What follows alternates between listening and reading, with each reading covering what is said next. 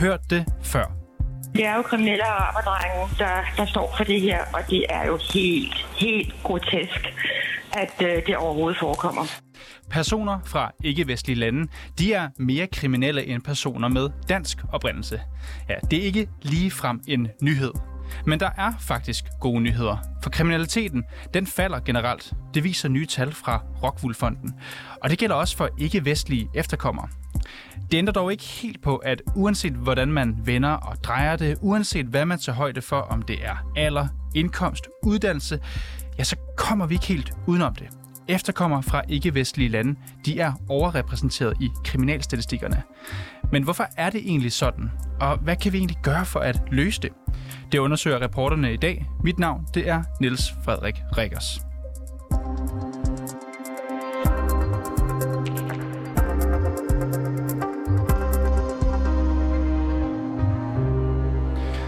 Skal jeg sige velkommen til øh, dig, Lars Højskov Andersen. Tak. Lars, du er forskningsprofessor hos Rockwool-fonden, og så har du netop udgivet bogen Hvad ved vi om de dømte og deres kriminalitet? Ja. Og øh, bogens titel, den fortæller jo egentlig meget fint, hvad den handler om, vil jeg godt påstå at sige her. En del af bogen handler om øh, ikke-vestlige efterkommere. Hvad er det mest opsigtsvækkende, du har fundet ud af i øh, det kapitel? Jeg synes, det mest op, øh, opsigtsvækkende, som, som du i virkeligheden også lige selv sagde i, i introduktionen her, det er, hvor, hvor, hvor stærk en positiv udvikling, der har været på det her område øh, siden 1990'erne og op til i dag. Altså kriminalitetsraten blandt ikke-vestlige efterkommere simpelthen raslet ned. Raslet ned. Raslet ned. Det er rigtig spændende, og det kommer vi til at gå, øh, gå ned i her også. Jeg vil også gerne vide lidt mere om dig først, ja. Lars. Øh, hvorfor har du, for det ved jeg, du har, hvorfor har du videt dit liv til at forske i netop det her? Altså, øh, jeg tror, en gang imellem, så sætter man sig ned og kigger tilbage på, hvad man har, hvad man har brugt sit liv på. Da du, øh, altså, det, det får jo en til at tænke over, hvor, hvor det er, man kommer fra, hvor det er, man skal hen. Og man kan sige, at det her specifikke tilfælde, der, der ja, så går det op for mig stille og roligt, mens vi skriver den her bog, at, at nu har jeg jo beskæftiget mig med det her specifikke emne i et halvt liv efterhånden. Ikke? Øh, og grunden til, at jeg har det, det er faktisk, i virkeligheden bygger det på lidt en tilfældighed. Så jeg startede med øh, at være så heldig at blive ansat som studentermedhjælper i Justitsministeriets forskningskontor helt tilbage i min, i min studietid. Øh, og der dukkede det her spørgsmål faktisk op øh, som en del af arbejdet derinde. Øh, og og, og det, det sad vi jo og arbejdede lidt med, og, og, og stille og roligt fandt jeg ud af, at der er enormt mange vigtige facetter i de her spørgsmål. Øh, jeg er sådan lidt en forskernørd og lidt en datanørd, og kan sige, det her område, det, det blev ligesom klart for mig ret hurtigt, at, at, at på det her område, der kommer der er så mange forskellige ting i spil, som det er rigtig, rigtig vigtigt, at vi holder tungen i munden, når vi taler om, hvis vi skal forstå, hvad det er, øh, det her fænomen, der rent faktisk udtrykker, hvad det handler om. Kan du lige sige, hvad var det for en verden, du dumpet ned i dengang? Hvordan talte man om det her øh, med kriminalitet blandt folk med, med ikke-vestlig baggrund her dengang? Jamen, dengang, der, øh, der var der jo, hvad skal vi sige, der, der, der var jo en, en der blev påpeget en del problematikker, som måske ikke nødvendigvis var specielt datadrevne. og man kan sige, Hvad var det for nogen? Jamen, det var for eksempel omkring, øh, omkring omfanget af kriminalitet i grupperne. Øh, og, og, og hvad de her tal, de sådan helt præcist øh, øh, udtrykker. Så man kan sige, hvis, hvis, hvis du sammenligner en tilfældig udvalgt ikke-vestlig efterkommer med en tilfældig udvalgt etnisk dansker, så, så løber du lidt ind i de problemer, at du næsten automatisk får den forskel, som var så markant i medierne. Altså det her meget, meget, meget høje kriminalitetsniveau blandt de ikke-vestlige efterkommere, simpelthen fordi du risikerer at komme til at sammenligne en, en 18-årig øh, ikke-vestlig efterkommer dreng med en, lad os sige, 45-årig dansk kvinde. Øh, og, de, og, og den sammenligning er jo helt, helt forkert. Det er primært unge mænd, der begår kriminalitet. Øh, så, så øh, så man kan sige, mit, min indgangsbillet til det her område, og hvad de sidste øh, vel hen ved knap 15 år af, af min forskning i det her område har handlet om, har i virkeligheden været at prøve at, at komme med faktuelle svar på den her problematik, og sådan forhåbentlig klare fortolkninger af, hvad de forskellige tal og de forskellige sammenligninger kan give os informationer, som vi kan bruge til noget. Er det noget, der mangler, synes du, fakta i den her debat? Jeg synes, der mangler fakta i næsten alle debatter. Fakta er jo Men i den her specifikt? Øh, ja, altså, hvilken debat tænker du på præcis lige nu? Altså sådan den historiske debat, eller debatten i dag? Hvorfor er det vigtigt at forske i dag? Er det på grund af fakta, der mangler? Øh, jeg synes, at det er et vigtigt område at forske i, fordi at vi jo står... Øh, altså, vi har en, en, nogle integrationsudfordringer øh, til stadigvæk. Som jeg kan sige, vi har en lang historie. Hvis vi kigger tilbage på her i 90'erne, som er den periode, vi starter med at kigge på her, og i virkeligheden op omkring øh, systemskiftet også øh, i 2000 og og, og i to stykker, så var der jo tale om nogle, nogle ret massive udfordringer på det her område, øh, som vi jo på alle mulige lederkanter fra politisk hånd har prøvet på at adressere over årene. Øhm, og, og spørgsmålet omkring, hvor, hvor står vi hen nu, er jo selvfølgelig øh, enormt oplagt at, øh, at få adresseret. Øh, også, man kan sige, der er også det interessante spørgsmål, at efterkommere jo er født her i landet, øh, og, og sådan set vokset op igennem alle de her danske øh, forskellige velfærdsinstitutioner og skole øh, og så videre, som vi har. Så vi havde vel i udgangspunktet en forventning om, at kriminaliteten faktisk vil være mere tilsvarende, at de her personer vil være mere integreret og mere tilsvarende de danske øh, unge drenge øh, i dag, end det var øh, måske tilbage øh, tidligere, eller end det er for, for indvandrere, som kommer med en, en relativt tung bagage. Og nu har du skrevet den her bog. Hvad ved vi om de, nu skal jeg lige sige det helt rigtigt, hvad ved vi om ikke-vestlige efterkommere? Er den helt forkert? Det er helt forkert. Det, det er helt forkert. Hvad vi ved om dømte og deres kriminalitet. Præcis. Hvor lang tid har du brugt på at skrive den bog? Jamen, det, det er jo lidt et, et, et, det var faktisk et godt spørgsmål, ikke? fordi i virkeligheden, så kan man sige, den, den er jo sådan set været i gang med at blive lavet siden 2015, fordi den opsummerer, eller før det jo, den opsummerer alle de studier, vi har udgivet fra 2015 og frem til i dag. Øh, og det er jo, det er jo temmelig mange forskellige øh, studier, så det er jo noget, der er blevet brugt rigtig, rigtig, rigtig mange mandetimer på. Udfærdigelsen af selve bogen har jo selvfølgelig ikke taget så lang tid, fordi det, der skriver vi jo på baggrund af forskning, vi allerede har øh, lavet og allerede har øh, formuleret. Men du har simpelthen, du siger, du har gravet dig tilbage i den evidens, der har ligget, alle de tal, der har ligget siden. Hvor længe? Jamen, altså vi øh, har fokuseret på det her område i ret lang tid, og lavet en rapport på området, øh, som udkom i 2011, som fulgte problematikken fra starten af 90'erne op til 2006, øh, var det, vi havde data til på det tidspunkt. Øh, og der, der tog vi nogle, nogle, nogle skridt omkring, hvordan vi skal forstå de her tal, som man ikke hidtil havde set i, på det her område øh, i i, øh, i Danmark. Øhm, og, og siden den gang er der sådan set ikke rigtig sket så frygtelig meget på forskningsområdet på det her, på, på det her emne i Danmark. Øhm, så den diskussion, vi har haft de sidste måske øhm, øh, knap 10 år, har jo været baseret i virkeligheden på gamle tal. Øh, og nu, nu, nu har vi så valgt med, med den her bog at ligesom komme med en opdatering af billedet og sige, sådan så det ud dengang. Hvis nu vi gør det samme, så bliver vi ved med at lave den samme øvelse op igennem hele den her tidsperiode. Hvordan ser situationen ud i dag. Og det kommer der jo nogle ret interessante øh, nye, nye resultater ud af. Ja, du løfter sløret for det lidt øh, tidligere her. Kan du forklare, hvad er det helt præcis, du har fundet ud af? Jamen, vi har fundet ud af, man kan sige, antallet af straffesager i dag, som, øh, antallet af straffesager, som omhandler ikke-vestlige efterkommere, er i dag langt, langt højere, end det var for eksempel tilbage i starten af 90'erne. Men det er jo ikke så frygtelig mærkeligt, fordi gruppen er jo vokset gevaldigt i størrelse også. Så helt automatisk vil man næsten forestille sig det. Korrigerer vi for det og ser på, øhm, hvor mange sager er der relativt til, til, øhm, til gruppens størrelse, og korrigerer for alderssammensætning, så ser vi at det her med, at, at tallet er simpelthen, altså det er, procentdelen er raslet ned. Så det vil sige, at den gennemsnitlige ikke-vestlige efterkommer er blevet langt mere lovlydig i dag, end de var tilbage i starten af 90'erne. Øhm, så der er der den, den, den øh, så er der den nuance til det, at den gennemsnitlige unge danske mand faktisk også er blevet langt mere lovlydig over den her periode, der er gået. Øh, det er sådan en bevægelse, vi har set i faktisk i hele den vestlige lande. Kæmpe fald, især i ungdomskriminalitet. Øhm, når vi så ser de to øh, procentdele i forhold til hinanden, det man kalder overrepræsentationen i dommen, så ser vi, at den er faldet det første lange stykke tid, fra starten af 90'erne op til 2006, øhm, og sådan så steget en smule øh, efter det det er sådan noget, der ligner, hvis vi ikke korrigerer for socioøkonomi, så er det sådan noget, der ligner en faktor 1 til 3, vi starter på, og det er faktisk også der omkring, vi slutter, men så med et dyk i midten. Det, der er vigtigt at huske på her, det er dog, at den her faktor 1 til 3, når vi taler, taler om den i 90'erne, så var det jo fra måske 4-5 procent dømte danskere til 12-13 sådan noget den stil, procent dømte blandt ikke-vestlige efterkommere. Hvorimod det jo i, i de nyeste tal her i 2019, jamen, der er det sådan noget 1 procent blandt øh, blandt etniske danskere, og, og 4,5 eller sådan eller den stil blandt, øh, blandt de ikke-vestlige efterkommere. Så vi er jo et helt andet sted. Altså, det, det, det ser i gennemsnit meget bedre ud i dag, end det gjorde dengang. Så hvis vi lige skal opriste lidt for lytterne her. Vi har to kurver, der viser kriminalitet. Den ene gælder for etnisk danske, den anden gælder for ikke-vestlige efterkommere. Præcis. De rasler ned. De falder. Helt vildt. Men så er vi jo på vej i den rigtige retning. Det må man sige. Hvis vi kigger alene på øh, den gennemsnitlige øh, dreng fra de her gruppers risiko for at, at komme i, i ballade med, med, øh, med strafferetssystemet, så går det helt sikkert i den rigtige retning. Men så er det, at overrepræsentationen alligevel stiger, siger du? Ja, så er det nemlig overrepræsentation stiger. Og det er jo, det er jo, overrepræsentation er jo et lille smule sjovt begreb, øh, fordi at det, det er svært sådan at få fat i præcis, hvad det, er, det betyder, fordi det, det sammenligner, hvor meget mere bliver den ene gruppe dømt i forhold til den anden, når vi så korrigerer for alverdens ting og sager.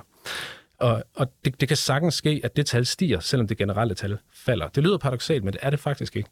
Fordi i dag så kigger vi på jamen, så personer med samme øhm, alder og samme socioøkonomiske baggrund og samme opvækstvilkår osv., øhm, har så et, et, et, et, et øh, altså forholdet mellem deres domsrisiko er så 1 til 3 eller 1 til 3,5 eller noget af den stil. Men på det her lavere niveau, end det var i 90'erne. Så det kan faktisk sagtens altså gøre, at overrepræsentationen stiger, til trods for, at procentdelen falder. Så hvis jeg nu prøver at spørge direkte, er ikke-vestlige efterkommere mere kriminelle i dag, end de var for 15 år siden? Men det er så her, hvor vi kommer ind i problematikken omkring, hvad det er for et spørgsmål, man gerne vil have sit svar på, eller hvad det er for et svar, man i virkeligheden øh, leder efter til, til, til problematikken her. Fordi svaret er faktisk ja og nej. Eller ja, eller nu, hvordan nu kan Og hvordan hænger det sammen? Jamen, det hænger jo sammen ved, at hvis vi kigger på den gennemsnitlige ikke-vestlige efterkammer, så er han blevet mere lovlydig. Markant mere lovlydig, og det er rigtig vigtigt at huske på. Hvis vi kigger på øh, sammenlignelige, øh, altså en sammenlignelig ikke-vestlig efterkommer på, lad os sige, 19 år, og en sammenlignelig øh, dansk, øh, etnisk dansk dreng på 19 år, som i øvrigt er ens på alle andre faktorer, vi kan se i data, jamen, så, er der faktisk, så ser det faktisk ud som om, at den ikke-vestlige øh, efterkommer relativt til den, til, til, til den danske drengs kriminalitetsniveau, er blevet lidt mere, øh, har lidt højere risiko for at blive dømt i dag end før. Så det er fordi, det handler om forskellen mellem de to grupper. Så selvom den samlede mængde kriminalitet for begge grupper, ja, den er faldet, så er, kan man sige, procentdelen af ikke-vestlige efterkommere, der er kriminelle, sammenlignet med danske, etnisk danske, den er højere i dag? Nej, de er faldet, tallene er faldet. Det eneste tal, der er stedet, det er sådan set, at, at antallet af sager, der, der omhandler ikke-vestlige efterkommere, er stedet, fordi gruppen er blevet større. Det, som, det, som overrepræsentationen i virkeligheden handler om, det er, hvis nu vi siger øh, to helt ens mænd, den ene er ikke-vestlige efterkommere, den anden er etnisk dansker, øh, hvor meget mere kriminel er den ene så end den anden? Det er et helt andet spørgsmål, end hvordan ser, hvordan ser deres risiko for at blive dømt ud i forhold til tidligere. Så risikoen for at blive dømt er faldet, men, den, men efterkommeren er stadigvæk en lille smule mere, øh, en lille smule højere risiko for så at blive dømt end den tilsvarende dansker. Øh, det, der er det centrale her, det er jo i virkeligheden, øh, at vi kan se, hvis vi kun korrigerer for alders, altså forskellen på alderssammensætning af grupperne, så har vi jo stadigvæk i dag en, en, en ret høj overrepræsentation, altså at en, en øh, 18-årig, 19-årig øh, ikke-vestlig efterkommer har øh, 3, 3,5 gange større risiko for at blive dømt end en tilsvarende, altså en, en jævnaldrende øh, etnisk dansk mand. Hvis vi korrigerer for socioøkonomisk baggrund og ressourcer osv., så, videre, så falder den overrepræsentation altså meget langt ned. Øh, så vi kan, vi kan ligesom, hvad skal man sige, forklare, at vi kan forstå langt størstedelen af overrepræsentation ud fra de her sociale faktorer. Lad os kigge lidt på, hvad der ligger bag de tal her. Kan man sige noget endegyldigt om, hvorfor personer med ikke-vestlig baggrund, de er mere kriminelle? Altså, vi kan, jo, vi kan jo sige noget om det i den forstand, at vi kan se, at der er markante forskelle på den socioøkonomiske sammensætning af grupperne. Øh, jeg plejer at sige det lidt, lidt, lidt sat på spidsen, lidt, lidt groft sagt, at, øh, at, at det kriminalitetsniveau, vi ser blandt de ikke-vestlige efterkommere, afspejler i høj grad, at vi med deres altså forældre, med indvandrerne, egentlig i princippet har fået indvandring, har importeret en, en, under, en social underklasse, som har et etnisk ansigt. Så det er familier med relativt høj kriminalitetsniveau. Det er familier med øh, ringe tilknytning til arbejdsmarkedet og med øh, dårlig, øh, dårlig øh, lønindkomst, altså lav lønindkomst. Og øh, det er jo ikke så frygteligt mærkeligt, eftersom det er jo, for, altså det er jo, det er jo voksne, der er flygtet fra, fra krig og ødelæggelse i alle mulige, i alle mulige andre lande.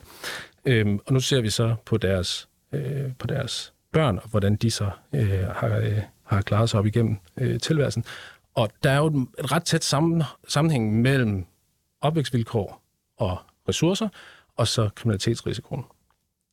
Øhm, og det er jo det, vi ser netop, når vi så ser, hvis vi kun kontrollerer for alder. Altså hvis vi kun fjerner forskellen på, at, at efterkommer i gennemsnit er yngre end danskere, jamen, så øh, har vi det her meget høje overrepræsentationsniveau. Øh, men når vi så også fjerner betydningen af de her socioøkonomiske faktorer og de her opvækstvilkår, man har, øh, man, man, øh, man har jamen, så ser vi, at øh, overrepræsentationen falder, falder meget længere ned. Men selv når man renser for de her forhold, for du nævner de her forhold, socioøkonomiske alder, er der stadigvæk en signifikant overrepræsentation? Det er der. Og hvorfor er der det? Ja, det er et, godt- det er et godt spørgsmål. Øhm, altså, det, det kan jo i virkeligheden udtrykke lidt forskellige ting. Øh, helt grundlæggende set, så kan det jo udtrykke, at vi, når vi, når vi renser for socioøkonomiske faktorer, som det så flot hedder på statistisk, så kan vi jo kun rense for de ting, vi rent faktisk har data på. Og der kan jo være ting, som vi, så der kan være forskel på grupperne, som vi simpelthen ikke har information om i vores datagrundlag. Øh, det kunne være sådan noget som øh, øh, opdragelsesmetoder, for eksempel, som jo sagtens kan have en betydning for, hvordan man ligesom går, den, den adfærd, man har, øh, når man for eksempel bliver ung. Øhm, så der kan simpelthen være forskelle, vi ikke har haft mulighed for at tage højde for. Øh, jeg vil sige, vi, vi tager højde for rigtig, rigtig mange ting, og også mange flere ting, end man, end man sædvanligvis gør i, øh, i den her forskning. Øhm, men, men det er helt klart en, en uh, mulighed. Du siger, der er nogle af de her ting, man ikke kan tage for højde. Er der et eller andet, hvor du siger, det vil jeg virkelig ønske, vi kunne måle? Et eller andet forhold, hvor du siger, havde vi bare haft det, så kunne vi forklare de her tal, den her overrepræsentation bedre.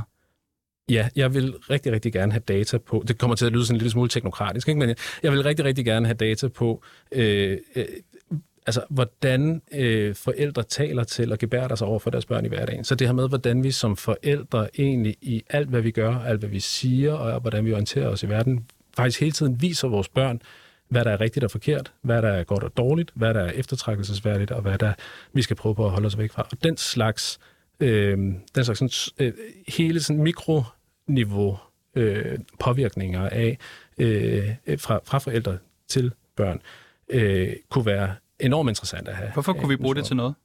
Jamen, fordi det vil jo fortælle os, om, det vil fortælle os, øh, hvorfor at vi ser forskellen. Hvis forskellen ikke skyldes etnicitet som sådan, men at, at der er en opdragelsesmetode, som er mere fremherskende i den ene gruppe end i den anden, så var det måske et sted, man kunne over, i hvert fald begynde at diskutere, og man skulle begynde at kigge på, at man kunne sætte ind der. Jeg tænker også lidt, Lars, er der et eller andet, nu du gravet dig ned i, i de her tal her, er der et eller andet, mens du har arbejdet på det, som har overrasket dig fuldstændig? Altså, øh, helt, helt, helt fundamentalt set har det her kæmpe store fald i procentdelen af det faktisk overrasket mig. Øh, fordi at det er så, det er, det er så vildt, ikke? Altså, det, det er jo virkelig et, et fald, der vil noget. Man kan sige, helt internationalt set står alle forskere og kigger på det her fald i ungdomskriminalitet en lille smule måbende og prøver på at finde ud af, hvad der er op og ned på det.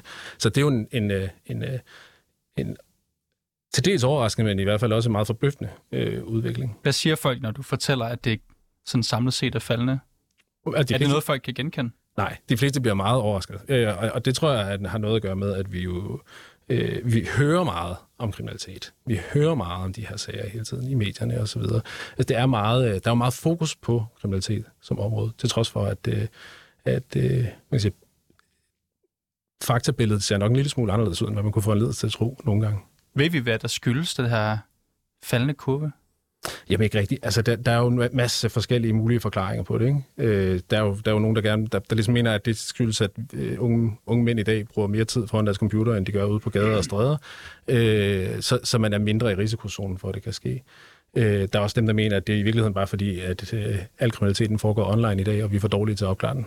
Øh, så så altså, der, der er sådan en hel masse øh, forskellige øh, øh forklaringsmuligheder og forklaringsrammer, som, øh, som, som helt sikkert kan være relevante. Også jo en generel forbedring af, af opvækstvilkårene og af den socioøkonomiske baggrund. Altså man kan sige, størrelsen på gruppen, der vokser op i hjem uden uddannelse for eksempel, falder jo ret markant over tid. Jeg vil jo godt tillade mig at sige, at det er temmelig godt, at kriminaliteten falder. Generelt, det mener jeg ikke er en kontroversiel ting lige at forstå. Vi kommer jo dog ikke udenom, at uanset hvad man renser for, så er der stadig en overrepræsentation, som du også fortæller, i kriminalstatistikkerne blandt ikke-vestlige efterkommere. Hvad kan vi gøre for at komme det til livs, hvis man altså skal løse det? Det er et sindssygt godt spørgsmål, og det er jo, det er jo et sindssygt relevant spørgsmål, men det er desværre også et spørgsmål, som det er rigtig svært at svare på derfra, hvor, hvor, øh, hvor jeg står øh, på mit data. Fordi det er jo sådan, at vi med forskning i udgangspunktet i virkeligheden er en lille smule bagudskuende. Vi kigger jo kun på de ting, der har været, og ikke så meget på de ting, der kommer til at komme, fordi det har vi jo, det er jo sjovt nok ikke noget, der findes endnu, så det er meget svært at udtale sig om.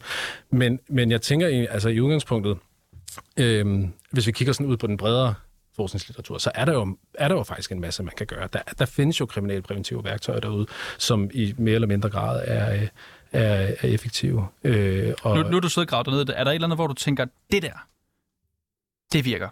Jamen, det får du mig faktisk ikke til at svare på. Fordi, jamen, fordi at, øh, at øh, vi kommer ikke med policyanbefalinger, øh, politikanbefalinger direkte inden for der, hvor vi sidder. Vi, øh, vi producerer viden og fakta, og så øh, sender vi det ud til beslutningstagere og øh, meningsdannere og personer, og, og lader dem faktisk øh, tage øh, affære på baggrund af den viden, som vi laver. Og det, det gør vi, fordi at vi mener, at, øh, at de, altså, hvad vi skal gøre, og de her politiske overvejelser fremadrettet, afspejler og afhænger jo af mange forskellige interesser, og ikke kun det, som, det fakta, som vi kan fremlægge, fordi vi kan se det i nogle tal. Der kan være rigtig, rigtig, rigtig mange forskellige ting, rigtig mange følelser og rigtig mange principper på spil, som vi, for at sige det lige ud, ikke ser det som vores rolle at øh, begynde at rumstere rundt i.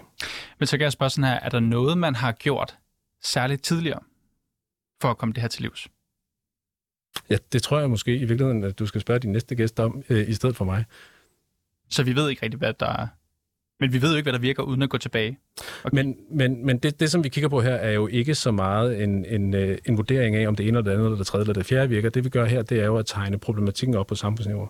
Øh, de konkrete løsninger, og hvad det er, der sådan har forskubbet de her kurver over tid, øh, det, det kræver meget mere minutiøs øh, øh analyse af det enkelte tiltag af det enkelte politikerovervej. Og hvis vi skulle gøre det over en periode fra 1993 frem til i dag, så tror jeg, det ville tage væsentligt længere tid at skrive bogen, end, øh, end hvad vi snakkede om tidligere. Lars, så vil jeg spørge dig, du som har kigget så meget ned i de her tal, og har de nye opdaterede tal, øh, som du står med her.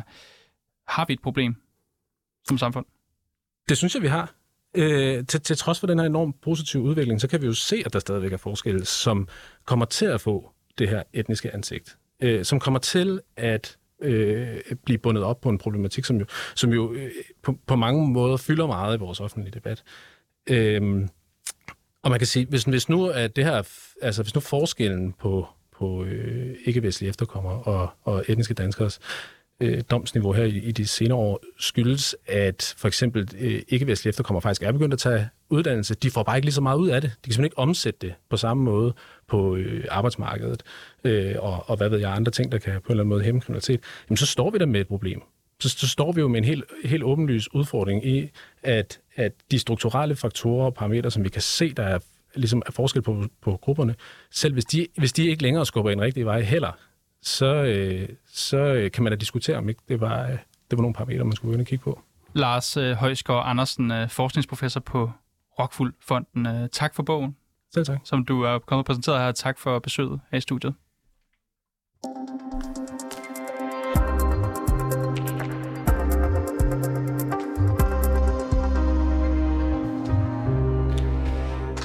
Nogen, der måske gør os en smule klogere på, hvordan vi kan forebygge kriminalitet blandt ikke-vestlige indvandrere, det er det kriminalpræventive råd. Og så er det jo heldigt, at jeg har fået besøg af dig nu, Katrine Amalie Keller. Velkommen til. Tak skal du have.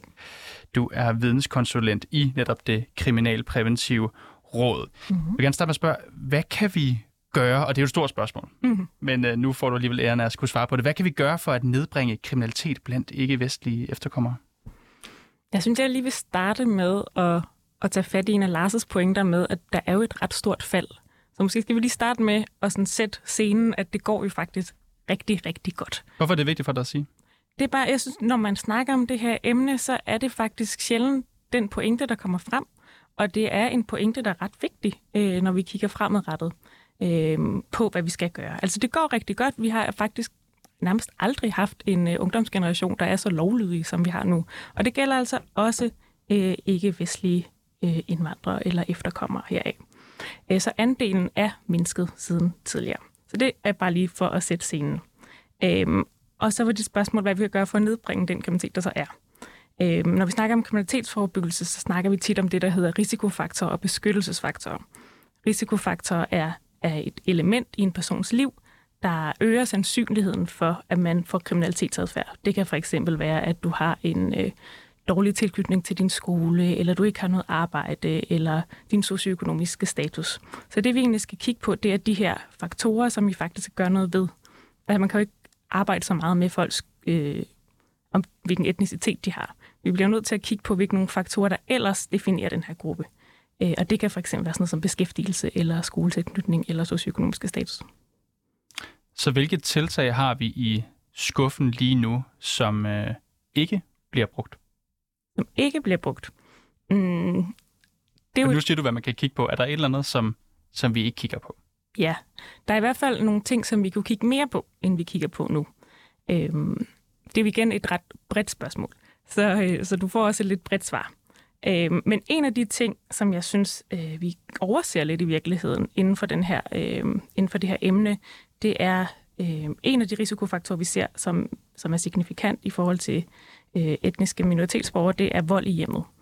Øhm, og en af de ting, vi ved er, øh, er en stor risikofaktor for at begå kriminalitet senere, det er at have oplevet vold i hjemmet. Og det er egentlig øh, ligegyldigt, om du selv for, altså om du oplever vold mod dig selv, eller du bare oplever, at der er vold i dit hjem mellem dine forældre for eksempel. Øh, og det er en faktor, som jeg synes, vi skal arbejde meget mere med. Øh, og ikke kun kigge på vold i hjemmet som, som en husbetakkel eller noget, der sker inden for husets fire vægge, men faktisk også ser det som en forebyggelsesmetode for at forebygge bandekriminalitet i næste generation, eller for at forebygge generel voldskriminalitet senere hen. Men er det noget, du siger, vi ikke har tilstrækkelig blik for lige nu? Det er det egentlig. Hvad mangler vi? Vi mangler at... Altså, vi har jo i lang tid fokuseret på det her emne, men måske ikke... Og vi har nogle virkelig, virkelig dygtige organisationer, vil jeg lige understrege, der kigger på det her. Men hvis vi skal kigge på øh, funding, øh, så er der... Øh, så kan vi godt argumentere for, at vi skal have mere funding til de her øh, organisationer, der arbejder med det. Vi skal kigge mere på det, de mennesker, der begår den her vold mod børn og vold mod partnere, øh, så børn oplever volden. Øh, der har vi, jeg har for eksempel tidligere nævnt øh, Dialog mod vold i et af jeres andre programmer, øh, som er rigtig, øh, en rigtig fin organisation.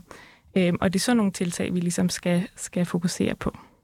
Og i det hele taget, når vi snakker om de her tiltag, giver det mening at lave specifikke indsatser for etniske grupper? Hmm. Eller er det bedre at lave en helt generel forebyggelse? Mm, jeg kan ikke lige umiddelbart se en etnisk gruppe, som skulle have en helt speciel indsats øh, versus alle mulige andre grupperinger. Altså, der er jo selvfølgelig måske nogle øh, kriminalitetstyper, øh, hvor at der, der er en kulturel komponent i. Øh, det kunne være sådan noget som æresrelateret øh, vold eller æresrelateret drab. Der er der jo helt klart en komponent, som er mere øh, synlig hos øh, etniske minoritetsborgere, end der er hos etnisk danske øh, borgere. Så der er der jo helt klart noget, hvor man kan sige, at kultur har en komponent, øh, men, men generelt vil jeg ikke sige, at der er en, en, øh, en etnisk gruppe, som skal have en, en særlig indsats. Så du siger, det, det, det giver ikke nogen mening i virkeligheden at have det sådan, at man laver en særlig indsats til for eksempel efterkommere med ikke-vestlig ikke baggrund? Så, altså ikke som udgangspunktet. Det, men det, samtidig kan man sige, at der er, noget, der er en god idé i det her med at lave skræddersyede indsatser. Så folk har behov for noget forskelligt, men, men, men den gruppering af etniske minoriteter er en lidt forsimpling. Øhm, så vi skal hellere kigge på, okay, så er der en her en familie, der har to børn med kriminalitetsadfærd. Hvad kan vi gøre for dem? At, har de behov for misbrugsbehandling? Øh, har de brug for øh, en mentorordning, ved vi er rigtig godt? Øh, har de brug for at øh, få noget hjælp til en, har de måske en diagnose, vi skal arbejde med? Altså, der, der kan være nogle forskellige ting, vi kan kigge på, og vi skal sådan skræddersy det, sy det til, til borgerne og til familierne, hvis ikke hele på familierne, men det at gruppere det inden for en etnisk, øh, øh, hvad skal vi kalde det, en etnisk gruppe, øh, er måske lidt en forsimpling af det. Okay, er der så nogle typer kriminalitet, som, øh, hvor det kunne give mening at fokusere på specifikke etniske grupper? Mm, altså, der er jo lige før, så nævnte jeg øh, æresrelateret drab og æresrelateret øh, vold, for eksempel. Det kunne være, være en kriminalitetstype. Hvordan, hvordan kunne man sætte ind der, for eksempel? Øh, der kunne man sætte ind ved, for eksempel, at opkvalificere fagpersonale eller frontpersonale til bedre at kunne identificere, øh, hvornår ser vi, øh, at der er noget negativ social kontrol, øh, og så sætte ind der, eller lave nogle kampagner, som, som gør det mere muligt for, øh, for de her personer, som oplever det, at, at få hjælp, eller i hvert fald vide, at der er hjælp. Og nu snakker vi netop om det her med, at den samlede mængde kriminalitet, mm. den er faldende. Ja. Heldigvis, kunne man friste sig at sige. ja. men, men vi kan stadigvæk se en overrepræsentation mm. blandt ikke-vestlige øh, efterkommere.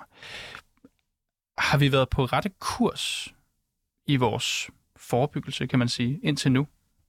Er vi det rigtige sted? Har vi den rigtige strategi? Mm, altså, vi har jo mange strategier, så det er lidt svært at svare på, om vi har den rigtige strategi. Øh, men, men det Lars også fortalte før, var jo, at andelen af, krimin, øh, af kriminalitet blandt, øh, hvad skal man sige, det var også lidt svært at forklare, men altså andelen, der er færre kriminelle etniske indvandrere, end der var øh, før. Ja. Øhm, så på den måde er det jo faldet. Øhm, så på den måde kan man jo sige, at ja, vi har klaret det egentlig meget godt indtil videre. Men nu sidder du i det kriminalpræventive råd. Vil du sige, at det så er helt naturligt, eller måske bare tilfældigt, at der er en overrepræsentation? Jeg har i hvert fald ikke øh, viden om, hvorfor det skulle være. Så der er ikke noget, vi skal gøre specifikt for at ændre på det? Jeg synes, der er en masse ting, vi skal gøre øh, generelt i forhold til forebyggelse. Øhm, og der er, vi skal kigge på forebyggelse, vi skal prøve at forebygge tidligere, end vi gør i dag. Vi skal, have hele familien med, vi skal kigge på skoleindsatser, vi skal kigge på mentorindsatser. Der er virkelig, virkelig, virkelig mange ting, vi kan gøre. Øhm, men og gru- grupperingen kan vi bare godt diskutere, om det skal være i forhold til etnicitet eller ej. Katrine Amalie Keller, nu, nu kender jeg selvfølgelig ikke din øh, mødekalender. Men hvis du nu skulle til møde med udlændinge og integrationsminister mm. Kåre Dybvad Bæk, mm. hvad vil dit øh, bedste råd så være til ham? Hvad skulle man gøre mere af eller mindre? Mm, jeg vil nok have to ting. Øh, det første vil være at kigge på, altså vi skal blive ved med at fokusere på forebyggelse. Og vi skal fokusere mere på forebyggelse, end vi har gjort indtil videre. Altså der har været lidt en tendens til, at vi bare sådan skal snakke om hårdere straffe hele tiden og længere straffe. Øh, men vi ved, at forebyggelse virker, og vi kan også se, når vi forebygger, så giver det faktisk rigtig fine resultater. Øh, så fokusere på forebyggelse. Det vil være mit første, øh, første bud. Øh, og det andet, det er det her med fokusere på vold i hjemmet. Altså vi skal stoppe med at snakke om vold i hjemmet som kun en, en komponent, der handler om, om husets fire vægge. Det er altså et samfundsproblem, og det er noget, som, som faktisk kan have en ret stor betydning for vores fremtidige generationers sikkerhed. Det handler ikke kun om, hvad der sker nu, det handler altså også om, om, om 20 år, øh, hvor mange bandemedlemmer vi vil have, og hvor mange vold vi vil have i samfundet. Katrine Amalie Keller, du skal have tusind tak for at komme ind i studiet i dag. Du er altså videnskonsulent i det kriminalpræventive råd. Helt tak. Dagens udsendelse den var sat sammen af August Stenbroen, Mille Ørsted er redaktør, og mit navn det er Niels Frederik Rikkers.